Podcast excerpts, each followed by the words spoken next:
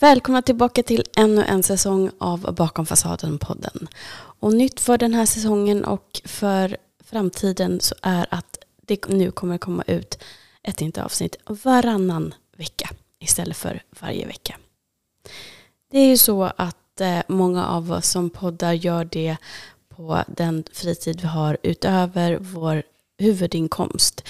Eftersom det här inte genererar någon inkomst så är det någonting vi behöver göra på fritiden. Och vissa perioder i livet så behöver man helt enkelt mer tid som jag tror ni alla kan känna igen och förstå. Så håll till godo och eh, passa på att kanske lyssna en gång till på de avsnitten som ni känner att här var det väldigt mycket jag behövde höra men också mycket att ta in. Då kan det ju faktiskt vara värt att lyssna fler än en gång under den tiden det är då mellan två avsnitt. Varmt välkomna tillbaka till en helt ny säsong av Bakom fasaden-podden. Och tro det eller ej, men vi är faktiskt inne på säsong sex nu.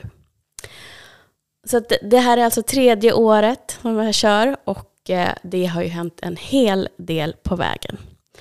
Vissa saker som jag trodde på när jag började min inre resa kanske jag har lite annorlunda synsätt på just nu. Och mycket av det som jag har varit med om har varit en sak när jag är mitt inne i det och kanske en helt annan sak idag. Och med det i åtanke så vill jag också alltid uppmana folk att tänka själva, känna efter själva. Vad känns rätt i mig och vad är min sanning? Och varför? Jag strävar alltid efter att gå framåt själv och uppmana andra att röra sig framåt och gå vidare helt enkelt. Och med det så tänker jag att det blir helt perfekt att prata med Sofie.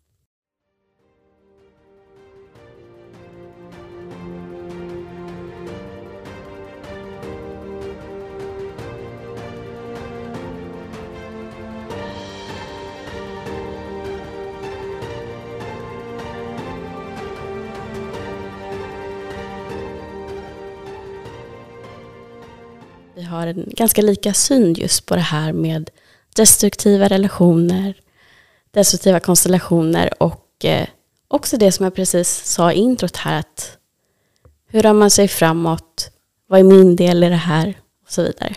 Mm. Men jag tänker att du ska få presentera dig lite närmare och berätta just din bakgrund. Mm. Jag heter Sofie och jag har, skriver väldigt mycket om narcissism, manipulation och trauma i nätverk jag har. Eh, sidor och även stödgrupper. Och jag har engagerat mig i ämnet i ungefär sex år. Eh, och eh, möter många utsatta och har även sett väldigt många varit i det svåra och också kommit ut ur det. Mm. Um, och jag själv känner att det är väldigt viktigt att se fokus framåt. Det är så lätt att eh, nästan knarka narcissism och vad gör eh, förövaren eller vad man nu väljer att kalla personen vi har varit eh, utsatt för. Eh, det är så lätt att bli helt som besatt i vad gör den och hur tänker den och varför gör den så. Och jag kan nog tycka att det är viktigt att börja ändra fokus. Mm. Ja. Där tycker vi väldigt lika, just det här att vi också ser i de som kanske precis har lämnat mm. eller är i sån till att lämna en relation med en person som har destruktiva drag. Mm. Eh, eller kanske rent av narcissistiska drag som man tror jag känner igen det från egen erfarenhet också. Att just det här att jag måste förstå. Jag måste veta vad det här handlar om. Vad har jag att göra med? Just det här som du säger. Knarka information. Men just hur, när du själv eh, stöttar andra. Mm.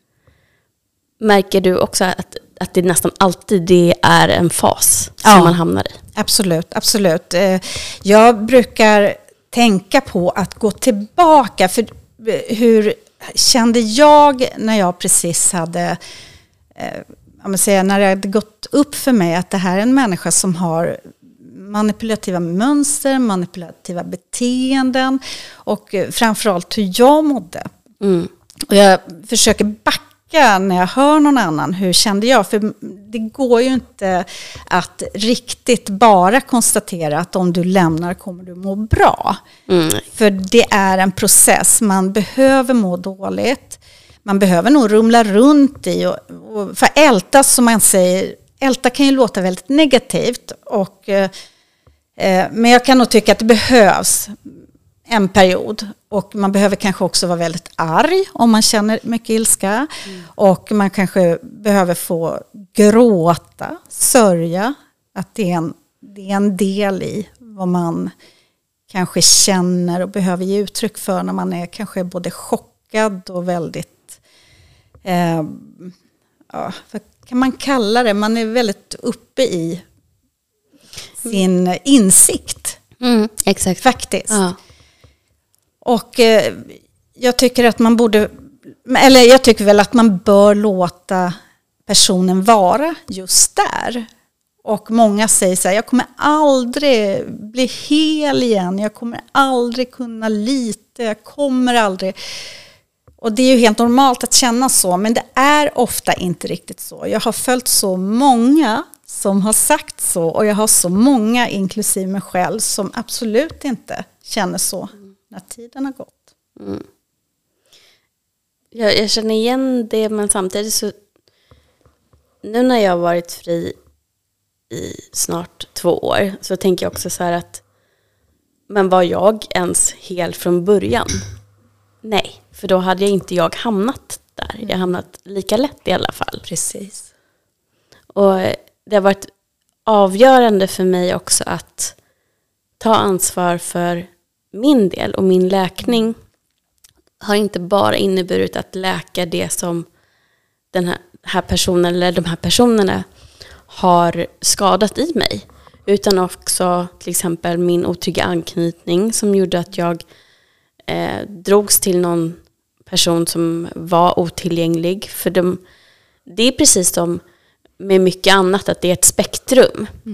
Eh, och varken du eller jag är heller inne på att man ska kanske diagnostisera någon direkt med att det här är en, en personlighetsstörning. Där, Däremot så kan det också vara starka drag eller ja, tillräckligt starka drag för att helt enkelt göra illa en annan människa. Så kan man väl säga lite generellt. Eh, men också att för mig är det inte viktigt idag vad det skulle kunna vara för potentiell diagnos på de här. Utan det har varit viktigt för mig att se, okej, vad är det i mig som har gjort att jag överhuvudtaget var mottaglig? Och sen har jag gått in på, på det och försökt läka. Och det tillsammans med kunskap är det bästa försvaret man kan ha. Vad tänker du om sånt? Nej, men jag håller absolut med. Absolut, att diagnos är inte viktigt. Det har blivit, vad jag kan tycka, har det blivit som en trend att säga det där är en narcissist. Mm.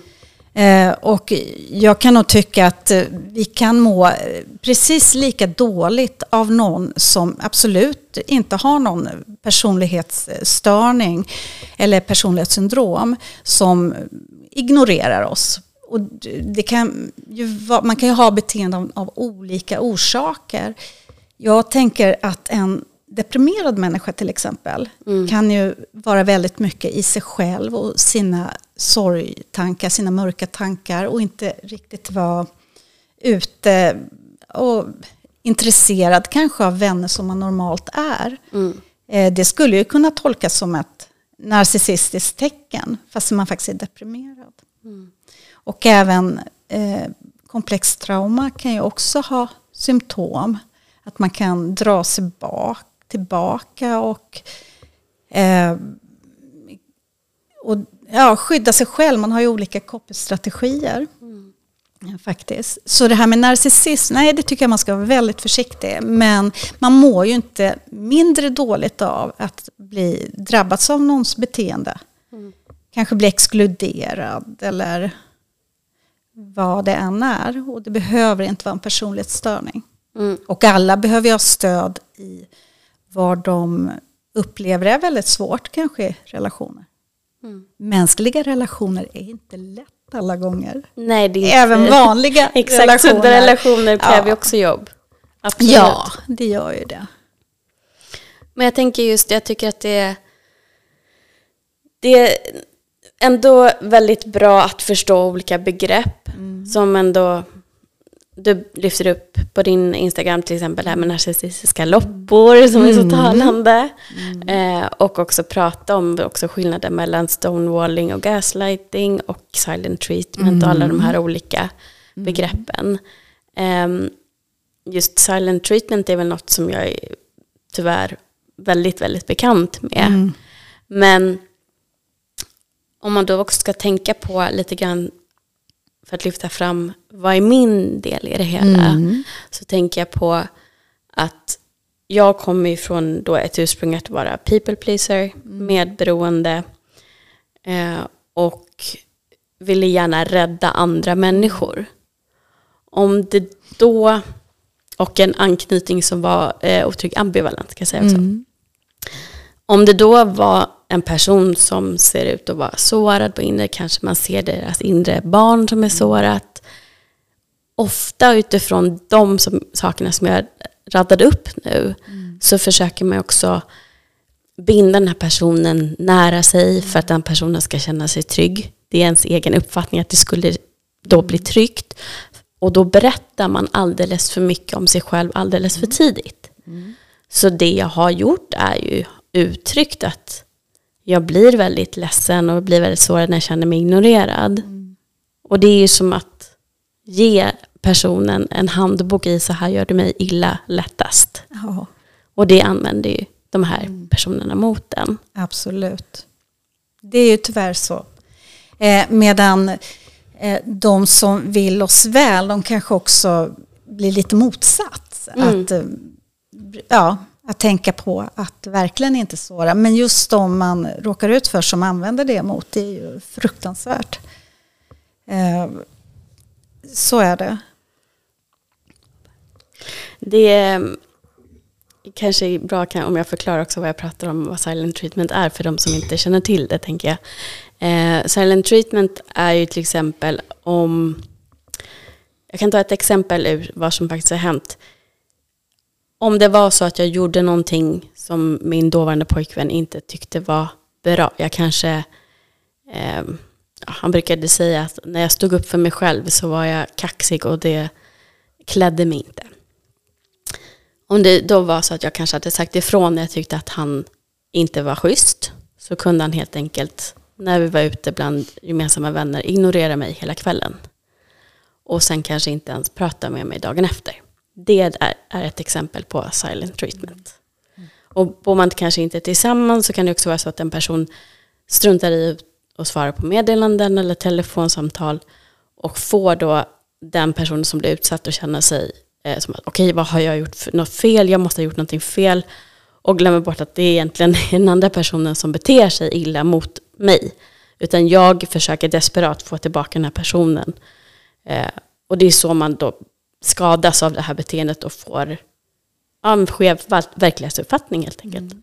Ja, det är mycket stresshormoner börjar få fart i kroppen när man blir utsatt av ignorans eller tystnad. Mm. Eh, det skapar ju mycket oro, ångest, när man blir utsatt. Många brukar säga, men jag gör ju likadant då med den som har utsatt mig, jag pratar inte med den längre och jag har ju sagt upp all kontakt och jag eh, backar. Men det är inte samma sak. Eh, en manipulativ människa gör ju det för att straffa och kontrollera mm. oss. Eh, och situationen. Medan vi har ju ofta försökt att lösa, jag har försökt kommunicera. Det blir ofta cirkulerande samtal, man försöker och man blottar sig ju väldigt mycket. Att så här känner jag och så här tänker jag. Mm. Man kommer ofta ingenstans. Men när man inte kommer någonstans och börjar läsa de narcissist, då brukar det komma upp att applicera Grey Rock till exempel. Mm. Eller nollkontakt. Mm. För att skydda oss. Mm. Och det är jättesvårt. Eh, normalt när man gör de här sakerna för att skydda sig. Eh, Grey Rock betyder att man artig och korrekt men man pratar inte känslor. Och man initierar egentligen ingen kontakt men man kanske behöver ha den kontakten om man lever i en familj eller om man har barn eller kanske en arbetsplats. De kan ju finnas överallt, det är inte mm. bara en relation. Eh, och noll kontakt, då bryter man helt. Mm. Man kapar all kontakt, all insyn på sociala medier och telefon för att skydda. Mm. Och det brukar vara jättesvårt för de som gör det här. Mm. Det brukar väcka känslor också, att ja, men nu gör jag någonting som strider emot hela min natur. För jag vill gärna förklara, jag vill vara tillmötesgående. Och jag vill inte blocka någon för det känns så aggressivt. Och det är ju det om man tänker när en manipulativ gör det, det är ju ett passivt aggressivt beteende. Men vi, där behöver man ofta stöd av omgivningen, de som förstår vad man går igenom. Att det här är för att skydda dig, du har försökt. Du har mm. gjort väldigt mycket innan du blockar den här kontakten nu. Mm. Så att man ser skillnaden, för vi ska inte säga att vi begår silent treatment. Nej, exakt. Utan vi ska säga, jag har gått noll kontakt och det är för att jag har försökt att lösa situationen men jag blir än mer utsatt. Mm. Så jag tycker att det är viktigt att självreflektera att eh, men det här gör ju jag kanske, men att se vad gjorde jag innan? Eh, gör jag det här för att straffa personen, då kan man ju behöva ta tag i sig själv kanske. Eh, eller gör jag det för att kontrollera personen? Och det är ju, då bör man kanske se vad man själv gör. Men gör jag det här för att skydda mig, då är det så att då får man eh, landa i att det är vad jag måste göra för mig. Mm. Ändå. Ja, och om det är så att man till exempel har varit i en relation där det man har tappat bort sig själv mm. så tänker man inte klart. Nej. Och det kan vara så att man går fram och tillbaka i tanken att ska jag lämna eller inte och, och så mm. vidare. Men sen när man väl hittar styrkan att lämna mm. så kan man också tänka att det här är någonting jag behöver göra för att bli fri. För att jag kan inte tänka klart just nu. Mm. Under tiden man inte har någon kontakt mm. så börjar det komma tillbaka. Jaget kommer tillbaka den inre rösten börjar göra sig hörd igen, eller att man överhuvudtaget hör den. Mm. Um, och då börjar du också förstå att det här var någonting som jag blev utsatt för. Mm. Och med det som du också sa i början, så kommer ju väldigt mycket sorg. Mm. Och det behöver få finnas där och få mm. utrymme. Så att allting du behöver göra i lugn och ro, låta det få ta tid och nå acceptans och allt det här som hör till. Mm. Det måste man ju få göra ostört mm. ifrån den här personen. Den ska, personen ska inte mm. kunna komma tillbaka och böna och be och, och lura dig att den har förändrats eller att den har förstått eller liknande saker. Så det är jätteviktigt de tillfällen när det inte är så att du har en relation som du inte kan kapa, det vill säga att du kanske har barn med den här personen, då tycker jag alltid att man ska försöka gå nollkontakt. Mm. Absolut, mm. absolut. Eh, det måste man. Ja, men, och som sagt, man kan inte läka eller gå vidare i sin process så länge man är kvar. Eh, det är så. Eh, man behöver komma ut ur den för det är som att eh, reptilhjärnan är påslagen. Så länge vi är kvar så tänker vi inte med logiken, vi blir påverkade. Och ofta är det ganska subtila saker och metoder.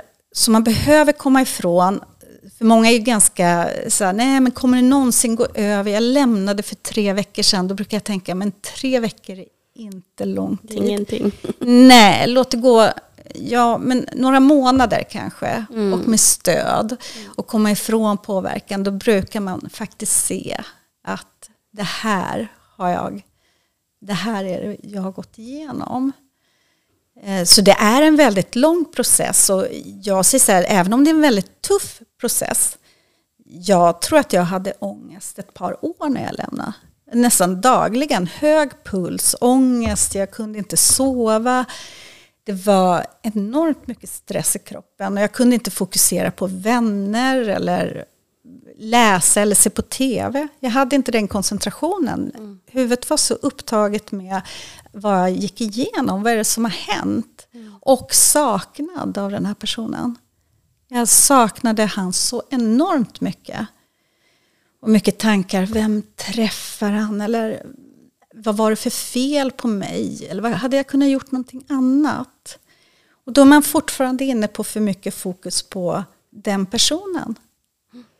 Eh, faktiskt, jag kan se det med facit i hand. Att eh, man, det är lite som att eh, eh all glädje och kanske till och med livsgnista försvinner väldigt fort när man har kanske hamnat i en kris. Det kan ju vara en otrohet eller stora svek också. Det, det försvinner ganska fort.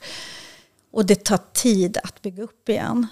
Man får som öva. Jag vet att jag tycker om att eh, kanske promenera eller fiska. Man får pröva i små mått. För det är jättetufft att känna att jag klarade av förut. Jag kan inte det längre. Det är jättetufft. Mm.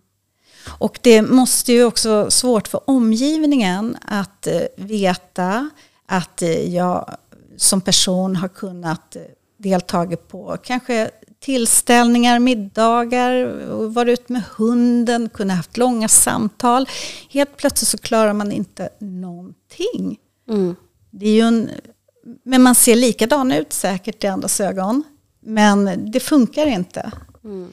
Så det är ju väldigt, väldigt mycket värt de vänner som orkar stå kvar också. Mm. Jag har haft turen som har vänner som har stått kvar. Jag är väldigt tacksam för dem faktiskt. För det var väldigt svårt för mig också att få mm, hjälp och förståelse vad jag gick igenom. Eh, många tyckte väl att ja, men det är vanliga relationsgräl. Och jag kan ju idag se att det var inte det. Eh, för att det var en livsstil. Jag hade inte fem, tio exempel som var dåliga utan det var en livsstil att leva i. Och det var inte alltid gräl heller. Så det var svårt att sätta fingret på vad, vad är det jag går igenom. Eh, bara en sån sak som att jag kunde säga att eh, eh har du gjort matsäck till barnen? Nej men det har du aldrig sagt. Bara, nej, men, Ja, men jag gjorde verkligen det? Nej. Och det vart en stor diskussion där om att nej. Och så var han offret som sa jag får aldrig veta någonting. Eh, och det där händer inte en gång utan det händer som en regel. Mm, det är systematiskt. Ja, mer än undantag. Jag började ju anteckna, det var ju innan mobiltelefonerna kom, det är så länge sedan, för jag har faktiskt kommit ifrån den relationen för över tio år sedan. Men jag började göra små anteckningar om lite symboler så jag visste vad jag hade sagt. Och ja, sånt som det vart mycket diskussioner om, eller som man kallar gaslighting, att han förnekade att jag hade bett han handla eller göra matsäck eller ta ut hundarna. Så idag kan jag se det som ett tidigt varningstecken när man måste börja anteckna. Man ska inte leva så. Nej. För att gå tillbaka och säga att men jag, har, jag har det här till och med på papper. Man kan ju göra det för sig själv men jag tror inte att det är nyttigt att visa den här personen det. Nej. Risken är bara att man blir kallad ännu mer galen. Ja, men det kan vara ju ett bra verktyg för sig själv ja. för att också upptäcka att det är verkligen på riktigt inte någonting som mm. står rätt till och det här är inte mm. normalt. Mm. För jag upplever att mycket röda flaggor går en faktiskt inte förbi så som man kanske får det att låta. Mm. Men man väljer att gå förbi dem. Mm. För att det är så mycket annat som hjärnan är kidnappad av. Mm. Den här traumabindningen och det här faktiskt beroendet av den andra personen som skapas. Så att man blir ju som en missbrukare. Ja, absolut. Och, och agerar därefter. Ja. ja. Jag har ju eh, vänner som har sagt när jag har lämnat att men nu har du ju lämnat. Eh, nu ska du väl ändå må bra, för det har gått en tid. som det gör. Och jag mådde inte bra på väldigt länge. Jag hade ju mycket ångest och så. Men jag har ju försökt att hitta eh, liknelser där andra kan känna igen sig. Mm. Eh, så jag sa det att, men han är ju som din chokladbit. Du vill ha en choklad. Du kan inte motstå att gå in på affären och köpa en chokladbit. Eh, och även om det har gått ett år efter du har ätit en chokladbit. Mm. Eh, för det är sånt ja, beroende man har. Jag har fått tag i någon liknelse som just den personen kan känna igen sig i. Om det är träning, choklad eller sushibitarna. För vi har våra cravings. Och den här mannen var ju min craving. Det tog alltså tid att bearbeta. Jag fick gå all in på det. Mm. Men inte all in på honom. Det var när jag började släppa honom och gick all in på att eh, njuta fem minuter av promenaden. Man får börja väldigt lite i början. När jag orkade kanske se någon humorserie som bara var en halvtimme. Att inte lägga ribban så högt. Även om jag tidigare hade kunnat sett eh, serier på tv och tycka det var jättemysigt så är det inte alltid så. Mm. När man mår dåligt. Tyvärr. Nej.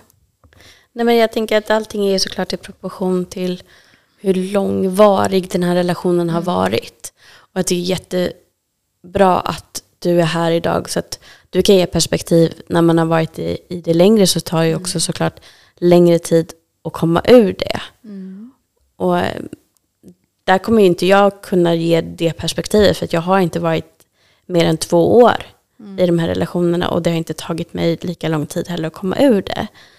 Um, och det jag också tänker, det här med, med folk runt omkring.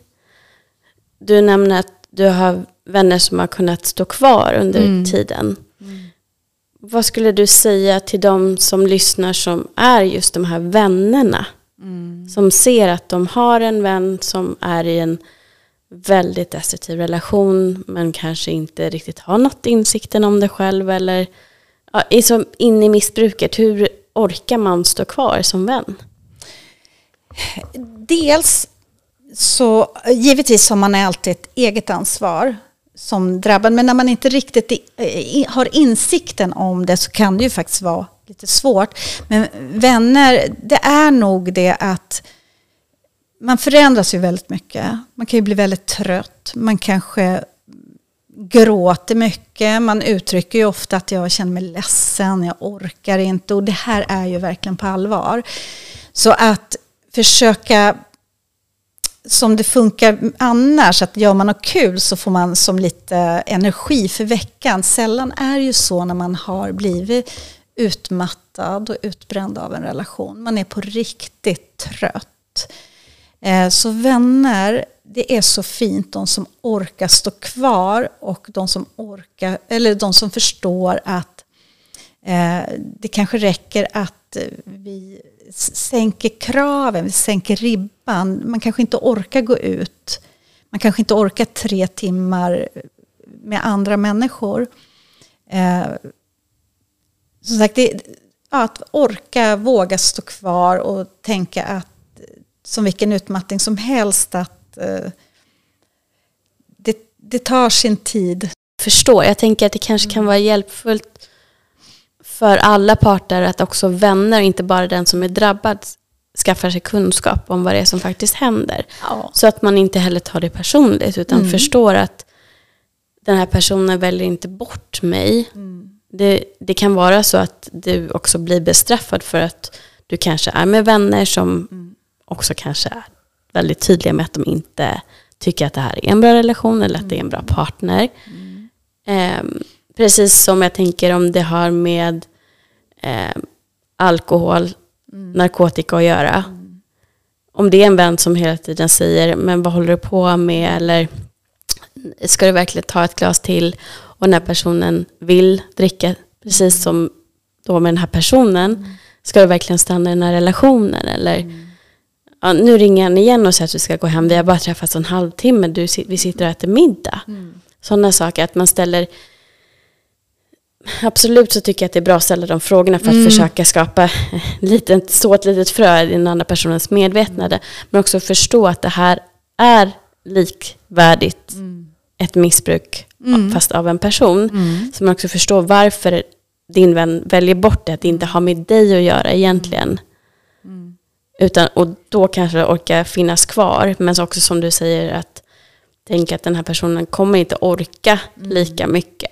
Nej. Utan att man kanske då, om man har ett starkt behov av att ha vänner som man kan hänga mycket med, att man kanske också ser till att få det behovet någon annanstans, men ofta ändå är tydlig med att jag finns här när du orkar. Mm. Så att det ändå finns någonting där. Mm. Och sen har jag också tänkt på att det här som jag upplevde väldigt mycket skam. Eh, jag skämdes jättemycket för att jag också hade haft långa utläggningar om eh, att den här personen mådde inte bra eller det var synd om honom. Alltså försvara, titta på ursäkter hela tiden när jag fick frågor. Och sen när det verkligen var så uppenbart att det här är en person som är sjuk, som behandlar mig illa. Det finns inga ursäkter. Det finns förklaringar men inga ursäkter. Då skämdes jag väldigt mycket där i samband med att jag lämnade. Så att då skulle det också vara viktigt, jag tänker för de som precis har lämnat, att deras vänner också förstår att den här personen kanske blir väldigt tyst och inte vill prata om det alls för att det är så mycket skam inblandat. Men också då vara tydlig med att jag förstår att det här inte verkligen var du och jag förstår varför du har sagt det här, så skäms inte.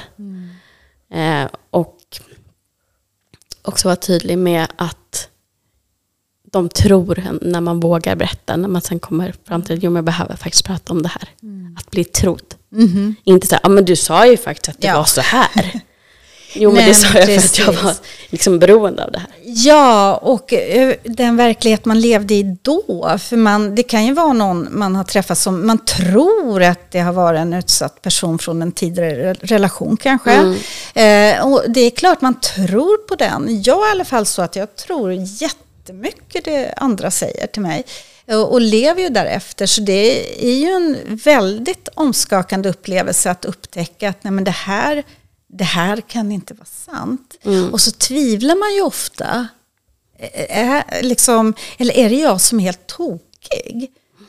Eh, så det, det är verkligen, verkligen en väldigt komplex eh, relation att leva med dem.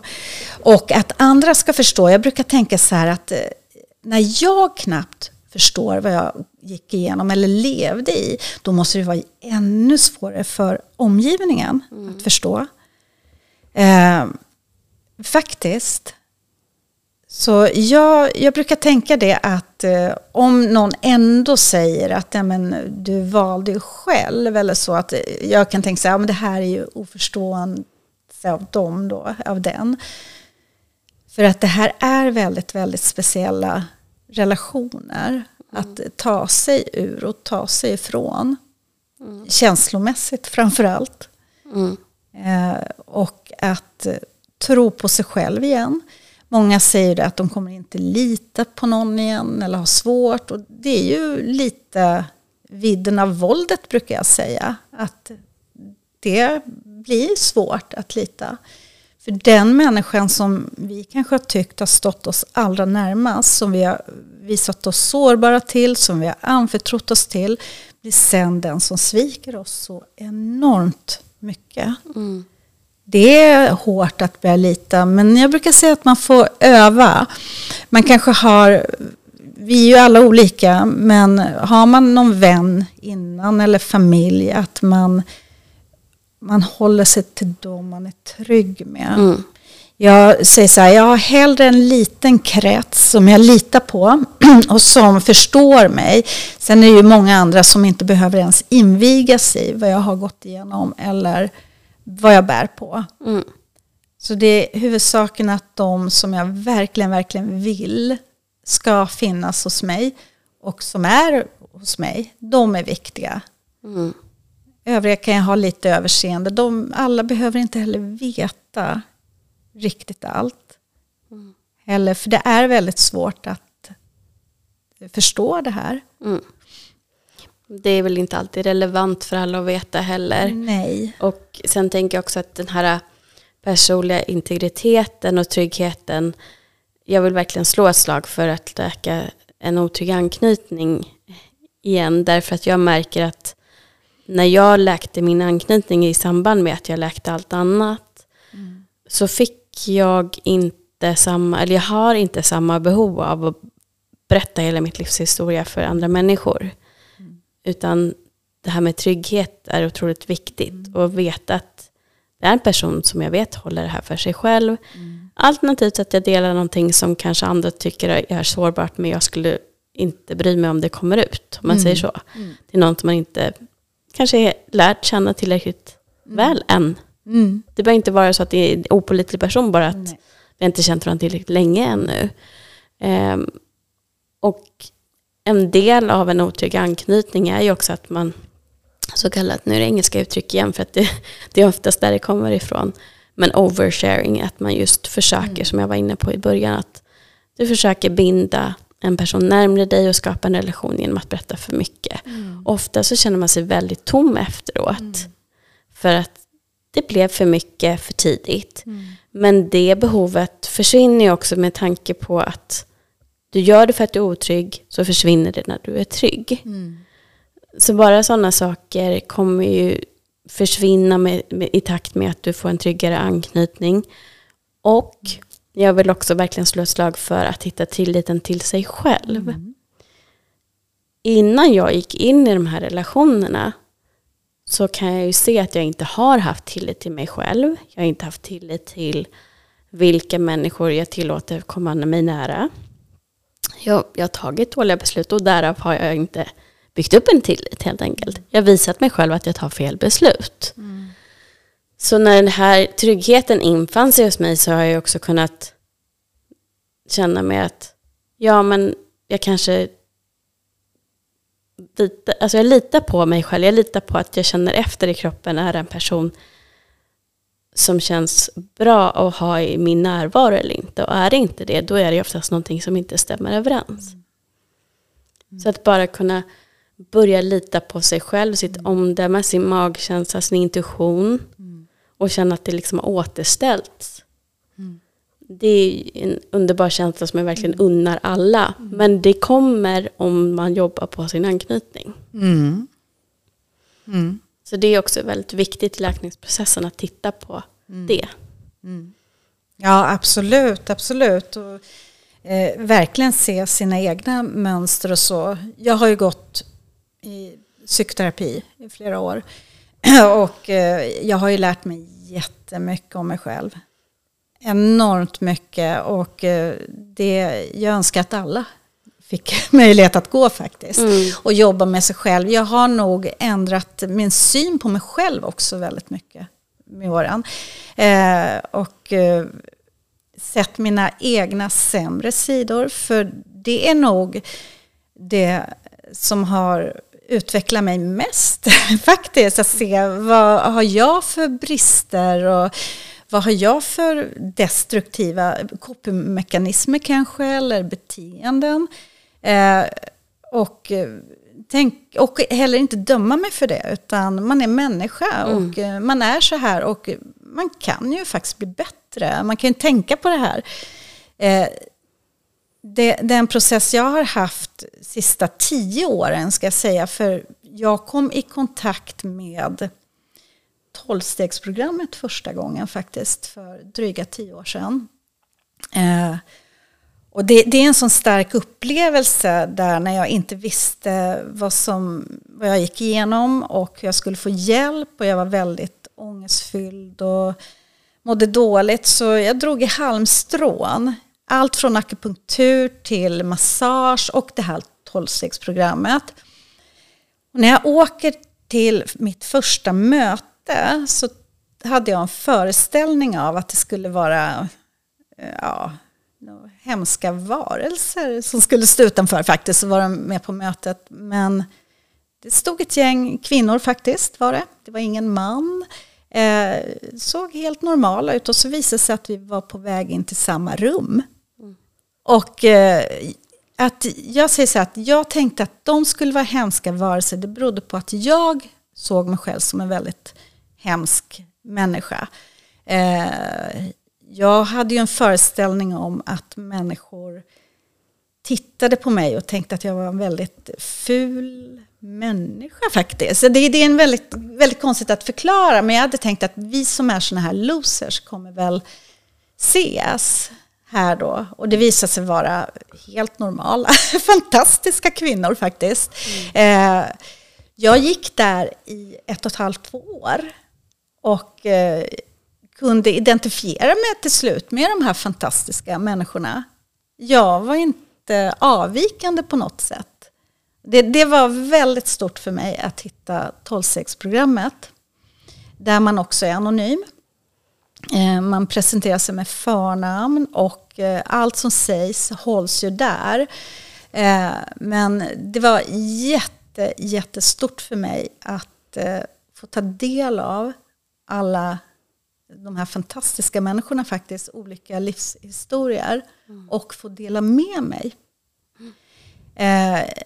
den tacksamheten faktiskt, att jag fick sånt stöd där, även om man aldrig ger råd, Även om man aldrig fördjupar sig i någon annan människas historia så gav det mig så mycket hopp om att klara av att leva vidare faktiskt.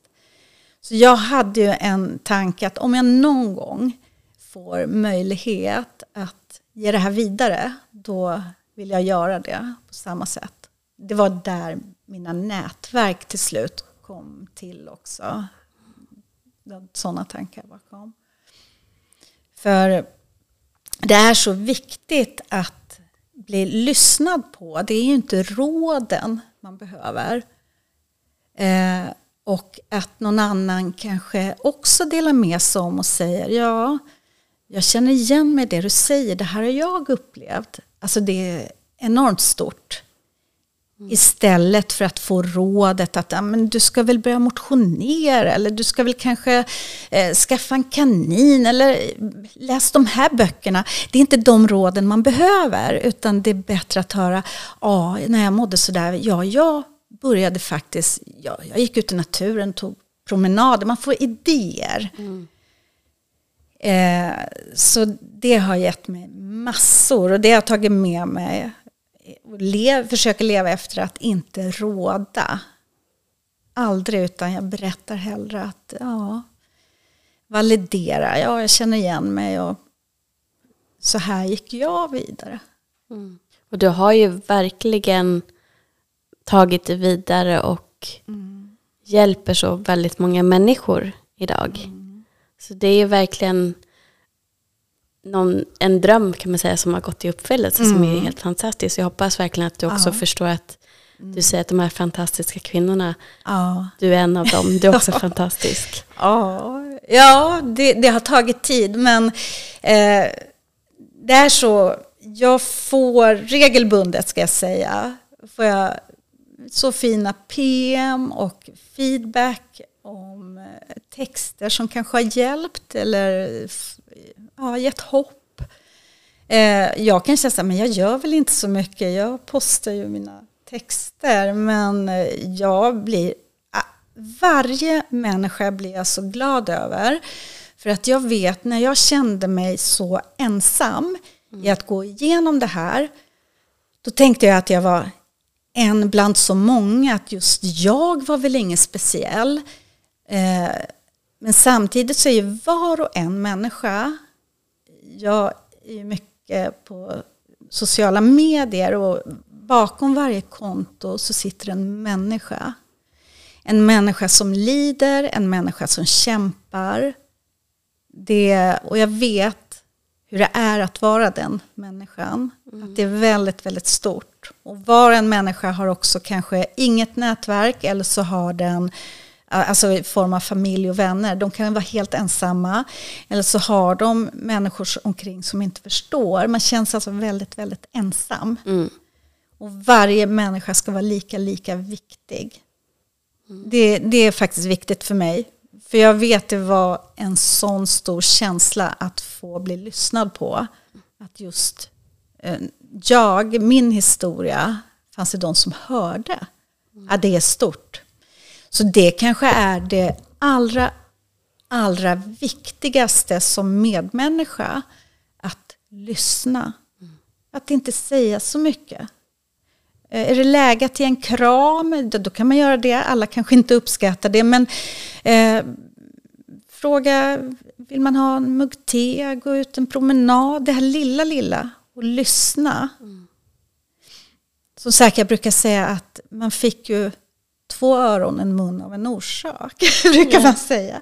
Och jag, jag får ibland själv tänka på det, för jag kan prata ganska bra.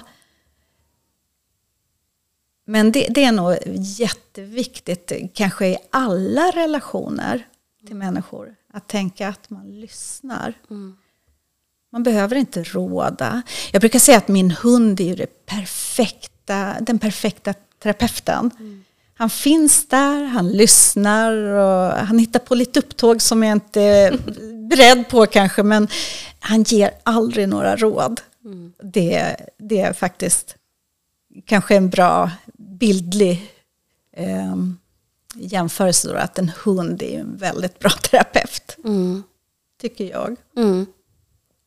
Och sen också tänka på att när man har varit med om sådana här saker, när man har varit, oavsett vilken typ av relation det är, men med en manipulativ person,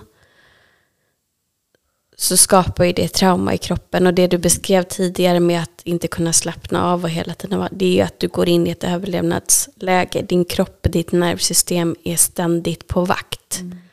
Och där behöver man ju också få hjälp av de som vet vad det är som händer i kroppen. Och prata med vänner, det, det är ytterst få som vet ens vad det handlar om. Så att det är ju väldigt viktigt också att ta hjälp av de som är professionella, som är traumainformerade och vet hur trauma ska bearbetas helt enkelt. Absolut. Så att också göra upp kanske en liten plan för sig själv. Vad är det jag behöver? Och bara det att börja känna efter vad, vad jag behöver är ju väldigt främmande när man är nyligen fri, om man säger så. Men desto viktigare. Eh, så att verkligen ta tillvara på, försöka vara kanske lite övertydlig mot vad du kanske är van vid att vara. Att säga till en vän att skulle vi kunna ta en promenad, jag behöver bara prata av mig. Skulle du orka lyssna? Eh, också för att se att vännen har kapacitet och ork att lyssna. För annars blir det pannkaka om man inte känner sig lyssnad på. Och då kanske man inte vågar fråga en gång till. Men det kanske bara handlar om att din kompis har haft jättemycket på jobbet den här veckan. Eller barnen har precis varit sjuka. Det, det händer ju vad som helst. Så länge man är rak i kommunikationen så förstår man ju varandra lättare. Men också ta hjälp av någon professionell. Absolut. Så viktigt. Eh, ja, många överlevare som man kallar sig när man har eh, gått ifrån en relation där man har tappat gnistan till livet eh, får ju stöd av varandra och det är jätte, jättefint. Men sällan har kanske två eh, ja, människor som är i samma situation orken att lyfta den andra på det sättet eller att vägleda framåt. För det är så viktigt att faktiskt sikta framåt. Eh, Det är det. Är, är det två i samma situation, man kan förstå, man kan få validering. Men ofta så kan det ju också vara så att ena parten inte riktigt orkar. Det, är- så, så kan det vara. Så jag brukar säga i de här nätverken att man kanske ska vara försiktig och rädd om varann.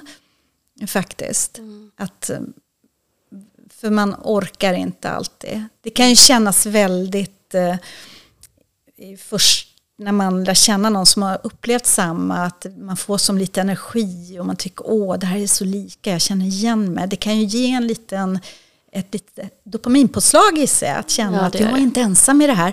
Eh, men att vägleda framåt, det, det är väl lite som man säger att två blinda kanske inte ska leda varandra. Mm. Ta hjälp av en professionell. Eh, det är faktiskt jätteviktigt. Mm. Det är det. Och se till att man faktiskt gör sin egen resa. Ja. Så att det inte blir att man heller fastnar där då den här nyfunna vännen är. Mm. För att man kanske helt enkelt är olika och olika förutsättningar. Mm. Ehm, jag upplever att det är enormt viktigt i första fasen. Mm. Just det här när du fortfarande kommer fram till vad är det jag faktiskt har varit med om och behöver känna sig förstådd och lyssnad på. Mm. Att ha människor runt omkring sig som förstår för att de har varit där själva. Mm. Men jag upplever det minst lika viktigt att ha vänner som inte har varit med om Mhm. samma sak. Som har en kanske mer sund syn Mm. på allting. Att också ta rygg på när man går vidare. Mycket För att få viktigt. andra perspektiv och titta på par i sin närhet. Jag vill alltid ha minst två, tre par i min närhet som behöver inte vara som jag umgås med frekvent. Men i alla fall ha några som förebilder. Att Det där ser jag är sunt. De växeldrar, de är tydliga med att de bryr sig om varandra, de respekterar varandra och så vidare. Sådana saker som jag värderar. Så där vill jag ha det. Då kan jag iaktta hur de beter sig, prata med dem och sådana saker. För att kunna röra mig ditåt, fast på mitt sätt då. Och likadant tänker jag också med andra män om man är man eller andra kvinnor om man är kvinna. Att ha kanske någon som har gått vidare att eh, se upp till om man så säger. Eller liksom ändå ha en förebild. Så att man hela tiden ändå kommer framåt. Idag är det väldigt sällsynt att jag sitter och pratar om narcissister på min fritid överhuvudtaget. För jag känner mig att jag personligen har lämnat det där bakom mig. Men det betyder ju inte att jag har slutat bry mig om människor som fortfarande är i relationer med narcissister eller personer med väldigt starka narcissistiska drag, manipulativa, vad vi- vad vi än vill kalla det, i destruktiva relationer. Och därav att vi fortfarande pratar om det här i podden.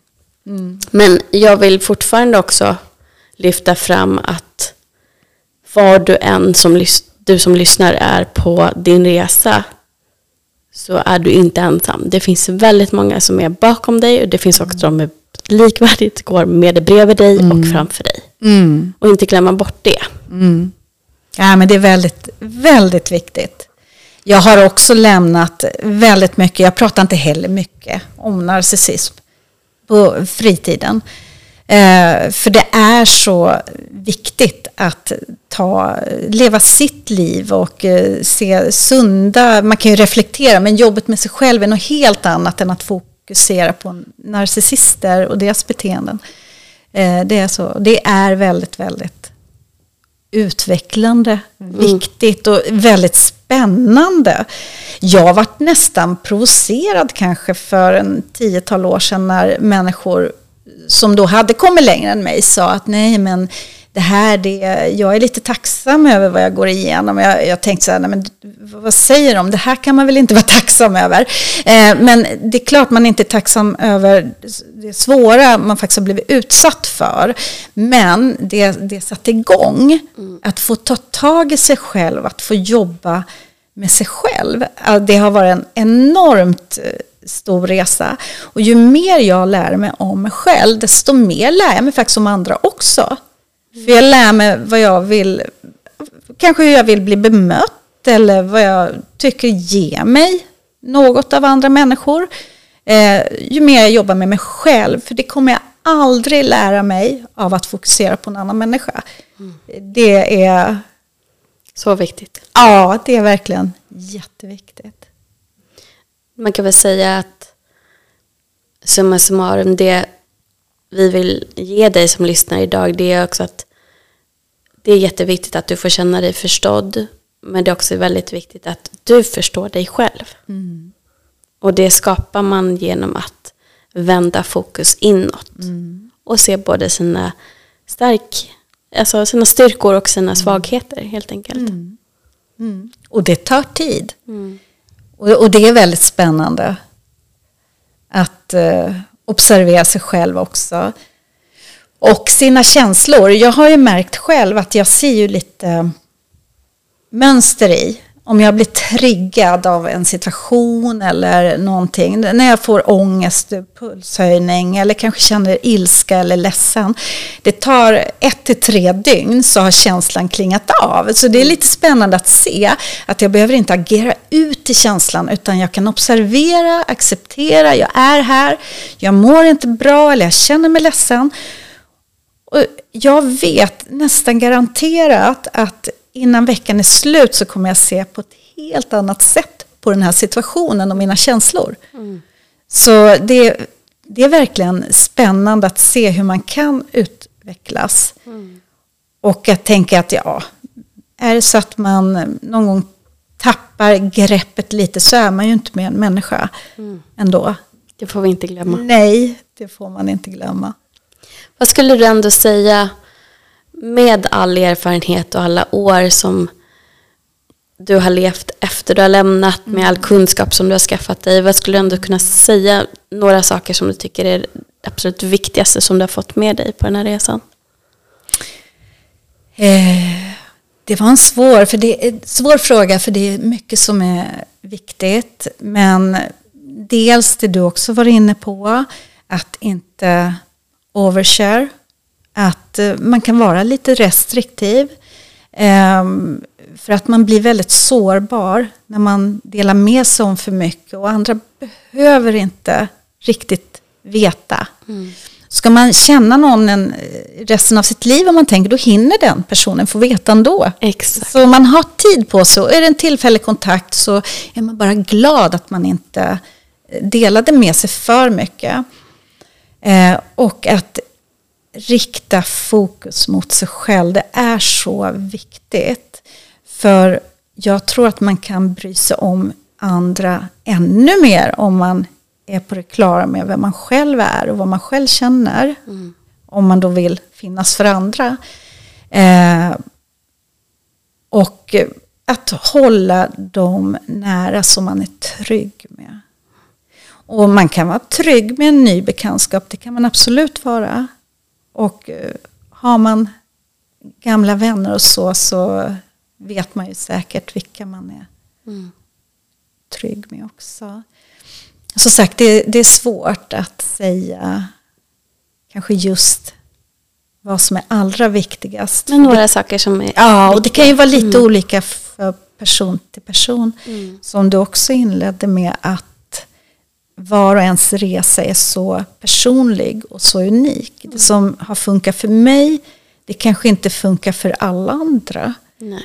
Och det är därför också man inte ger råd. Mm. Eller försöker undvika råda mm. till andra också. Mm. Det vi kan göra är att, just som vi gör, dela med oss av det som vi har lärt oss. Mm. Och ha det som ett exempel. Och sen så får var och en välja vad de tar med sig. Om det är någonting mm. de vill prova på. Mm. Eller så, nej det här är inte alls för mig. Nej men det finns liksom inga rätt eller fel. Nej. Utan det här har funkat för mig, det du berättar mm. har funkat för dig. Um, för oss är det viktigt också att ta det vidare och mm. hjälpa andra mm. med våra erfarenheter. För mig är det ett sätt att också se en mening med de trauman jag har mm. fått. Mm. Att jag kan välja att se att absolut, det är ingenting jag kanske önskar att jag varit med om eller önskar någon annan att behöva vara med om. Men det har också gett mig möjligheten att idag kunna sitta och prata om det och hjälpa andra. Så att det ändå blir en mening med det. Det mhm. blir ett syfte av det hela och det gör det lättare att leva med att det har hänt. Det gör att jag kan se det som att okej, okay, det är en del av mig, mm. men det är inte hela jag. Nej, exakt. Mm. Man är så mycket, mycket, mycket mer än sitt trauma. Ja. Det, det är ju det. Ja, och kunna se en mening med det och inte gå ner sig i att mm. det har hänt mig, stackars mig. Mm. För att då kommer man inte heller någonstans och då blir det som att traumat vinner över mig och det kommer jag aldrig låta det göra. Mm. Det är så jag fungerar. Mm. Ja. Helt enkelt. Men eh, avslutningsvis så ska vi också bara berätta för, för lyssnarna. Var hittar de dig och dina stöd, stödgrupper? Ja, på Facebook finns det grupper för men Den heter Grey Rock. Där släpper vi bara in män. Och så är vi två administratörer som är kvinnor då, och en man. Sen har vi narcissister och andra manipulativa stöd till anhöriga och utsatta. Eh, där kan man söka in oavsett relation man har till en manipulativ. Och så har, finns det en grupp till föräldrar med manipulativa barn. Mm. Som man kan hitta. Och sidorna jag postar texterna på det är på Instagram och Facebook. Narcissism, manipulation och trauma. Ja. ja. Och jag rekommenderar verkligen varmt att följa den.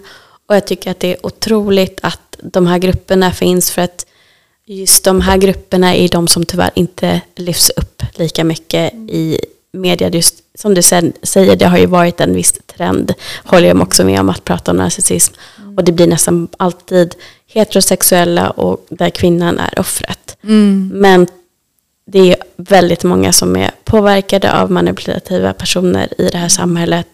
Och det händer också inom familjen. Mm. Åt alla håll. Mm. Så jätte, jätte tack för att eh, allt jobb du gör och att eh, du har varit här idag. Väldigt värdefullt för både mig och lyssnarna. Tack snälla. Tack och tack till dig. Och tack så mycket till dig som fortsätter lyssna, fortsätter jobba med dig själv och delar podden så att vi kan hjälpa ännu fler. Häng kvar för ännu en säsong. Nu kör vi. Och glöm inte att tills vi hörs igen, ta hand om dig.